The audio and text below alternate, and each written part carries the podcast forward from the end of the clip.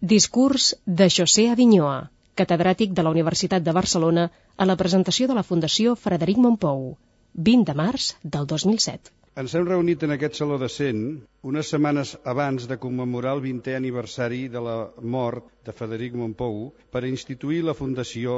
que portarà el seu nom. Què pot significar per la ciutat i per als ciutadans la institució d'una fundació en honor d'aquest pianista i compositor? És el compromís de la societat catalana personificada d'una banda per la titular de la memòria del compositor Carme Bravo i de l'altra per l'Ajuntament de Barcelona de mantenir viva aquesta herència. Es tracta d'una herència que té una destacada personalitat i facetes molt diverses. D'una banda, hi ha el patrimoni estrictament musical en forma d'originals de les partitures escrites per Frederic Montpou, que els musicòlegs aprecien molt, que ja obre en poder de la Biblioteca de Catalunya d'ençà que la Carme Bravo en va fer donació temps enrere i que són a disposició de que les vulgui consultar, estudiar i analitzar per tal de conèixer millor el procés creatiu del compositor. D'altra banda, hi ha documents més personals en forma de correspondència d'objectes d'ús privat relacionats amb la creació, com, com ara el piano Chassagne Frère que ell eh, usava per la seva composició, que passaran a formar part substancial d'aquesta nova fundació. També hi ha l'enorme estol de documentació escrita, impresa i sonora que ha generat la música de Frederic Montpou, un dels més insignes compositors catalans, espanyols i universals del segle XX, que la Fundació, ara tot just nascuda, recollirà, guardarà i difondrà. I no cal oblidar el ric patrimoni de la seva petja, la seva influència en els compositors, en els amants de la música, en els ciutadans, en una paraula, la seva herència cultural que tractant-se d'una realitat subtil i delicada convé estudiar, analitzar, fer pública i mantenir per a la completa comprensió de la nostra història musical. Tasques com les assenyalades i d'altres que en poden derivar, com el foment de la música catalana,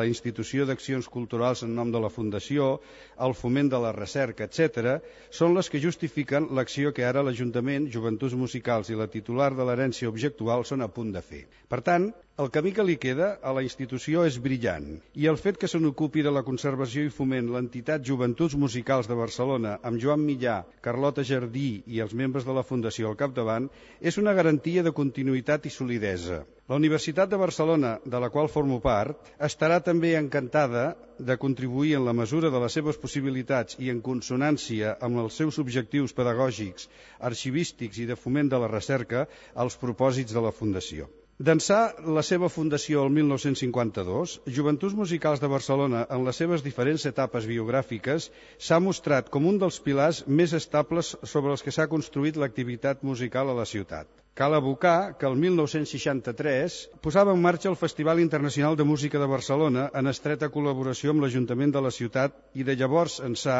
amb dues institucions han participat en projectes musicals en profit de la cultura musical de la ciutat. Aquest que ara instituïm no serà més que un dels més significatius d'aquesta cooperació. Cal en aquest moment deixar constància oral de la rellevància de la figura de Frederic Montpou? De fet, no, no caldria. Fora la manera més evident d'assenyalar que quan es parla de Montpou hi ha un consens generalitzat que justifica l'atenció que se li deu. Quan ara fa una mica més d'un segle es va fundar l'Associació Wagneriana, un dels propòsits indicats en el document fundacional era el de defensar i divulgar l'obra de Richard Wagner. Però a ningú no se li va acudir d'explicar qui era i quin valor tenia aquest autor alemany perquè era una qüestió fora de tot dubte. La figura musical de Montpou, com s'ha dit ja un dels compositors catalans de més personalitat del segle XX, és molt familiar en el món de la cultura europea. Per això no sembla necessari justificar tota una vida dedicada a la música d'una manera deixondida, omnipresent, intuïtiva i poètica. La seva funció de pont entre París i Barcelona, els dos pols geogràfics de més relleu en la nostra història, la seva permanència sempre al costat de les iniciatives modernitzadores, primer com a protagonista, després com a germà gran i finalment com a pare i avi que tots respecten en són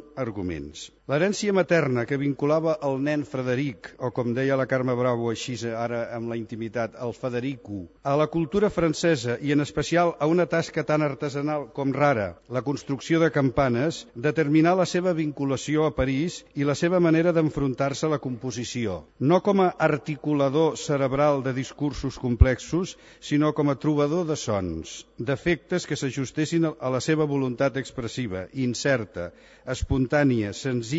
i intensa que el defineixen clarament. Tampoc hauria de caldre assenyalar la rica, íntima i durable amistat que unim Montpou amb un jove músic inquiet i una mica més jove que ell, Manuel Blancafort, que en una tessitura estètica pròxima a ell buscava la manera de manifestar la seva intimitat a través del piano. Ell, Blancafort, que coneixia molt bé els secrets de la composició a través de la seva tasca de picador de rotlles de pianola a la fàbrica del seu pare. La mística de la ermita, aquest dibuix que tenen en el, en el fulletó que tenen a les mans, o lloc de trobada dels dos amics al balneari de la Garriga, justifica aquesta superació del món musical del seu país i la mirada posada a l'horitzó de la cultura francesa del moment. No sembla estrany, doncs, que la seva primera composició, Impressions íntimes de 1909, escrita als 16 anys, respongui a aquesta inquietud. De manera intuïtiva, estava connectant amb l'estètica que al mateix moment s'estava forjant a París i que donaria lloc al denominat antitranscendentalisme, és a dir, un moviment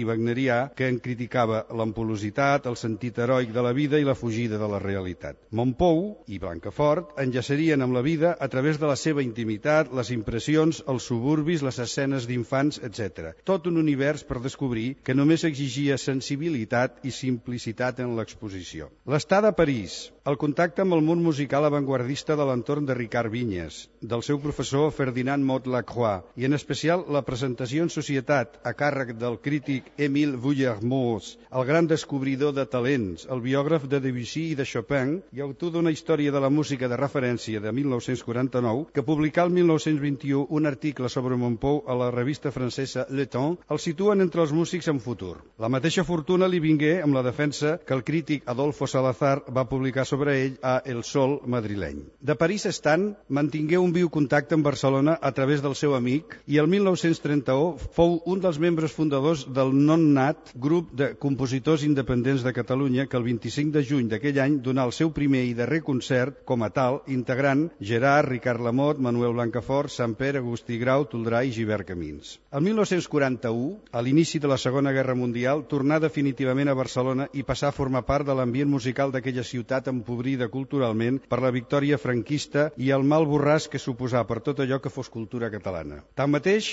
el vincle francès no es perdé i Montpou formà part activa del cercle Manuel de Falla, que des de 1947 fins a 1955 aplegà a precisament l'Institut Français un estol de músics disposats a conèixer els nous corrents que es desenvolupaven al país veí. L'amistat amb l'editor Josep Janés l'animà a escriure el cicle per veu i piano El combat del somni, que conté la cançó més cèlebre del seu repertori i una de les més populars de tot el repertori liderístic català, Damunt de tu, només les flors, que ha estat interpretada per totes les grans cantants catalanes i per moltes altres d'arreu d'Europa. D'un viatge a Londres el 1954 fou el ballet House of Birds que juntament amb Perlín ballet també estrenat al Liceu, formen part de la seva escassa obra per orquestra. També d'aquests anys són les noces amb la pianista, Carmen Bravo, que fou sempre companya, amiga i estímul creatiu. Tanmateix, la seva producció continuà bàsicament en l'entorn pianístic, fornint una col·lecció molt exquisita que rebé totes les atencions dels grans intèrprets de l'època com la Rosa Sabater, l'Alícia de la Rocha, l'Albert Jiménez Atenella, per dir-ne alguns, i molts dels joves que arribaven amb l'empenta pròpia de la joventut. En el repertori de Montpou trobaven la dificultat del matís i la subtilesa, de la comunicació íntima i el silenci, però no únicament això, sinó també la complexitat expressiva d'algunes obres com el cicle de música callada, escrit entre 1959 i 1967, que, a imitació dels poemes de San Juan de la Cruz, pretén la paradoxa de la música silenciosa, la música interior, la mística. Present en els cursos d'estiu de Santiago de Compostela des de 1958 a 1972, trobades que aplegaven el més significatiu de la interpretació espanyola del moment, rebé el 1963 l'encàrrec de la Setmana de Música Religiosa de Cuenca d'escriure una obra religiosa que donà com a resultat els improperis. La seva longevitat i indiscutible mestratge li valgueren nombroses distincions com la de Chevalier des Arts et des Lettres de París, 1971, l'Acadèmic d'Honor de la Real Acadèmia de Belles Arts de Sant Jordi, Medalla de la Diputació de Barcelona, Medalla de l'Ajuntament de Barcelona, Premi Ciutat de Barcelona, Premi Nacional de Música, Doctor Honoris Causa per la Universitat de Barcelona el 1979, precisament apadrinat pel catedràtic doctor Oriol Martorell, un altre místic, o la medalla de la Generalitat de Catalunya el 1980. Fou primer president de la novella Associació Catalana de Compositors, 1974, perquè compartia amb Joaquim Oms el deganat dels compositors catalans. La seva figura esprimatxada i esbelta, atenta a tots però indiferent als honors i atencions que rebien els darrers anys de la seva vida, roman encara entre nosaltres, ara que ja fa 20 anys de la seva mort, però contràriament al destí natural del creador, que no pot evitar amb la seva mort l'oblit de la seva producció, el vigor d'una música allunyada de qualsevol pretensió d'experimentalisme harmònic o tímbric, l'encant d'una música que cerca la puresa en la subtilesa del joc entre el so, capaç de crear universos de poesia i el silenci, capaç de deixar que ressonin en l'esperit de l'oient, continua vigorosa. Aquest és el seu principal llegat intangible que la nova fundació es proposa mantenir i alimentar. Moltes gràcies.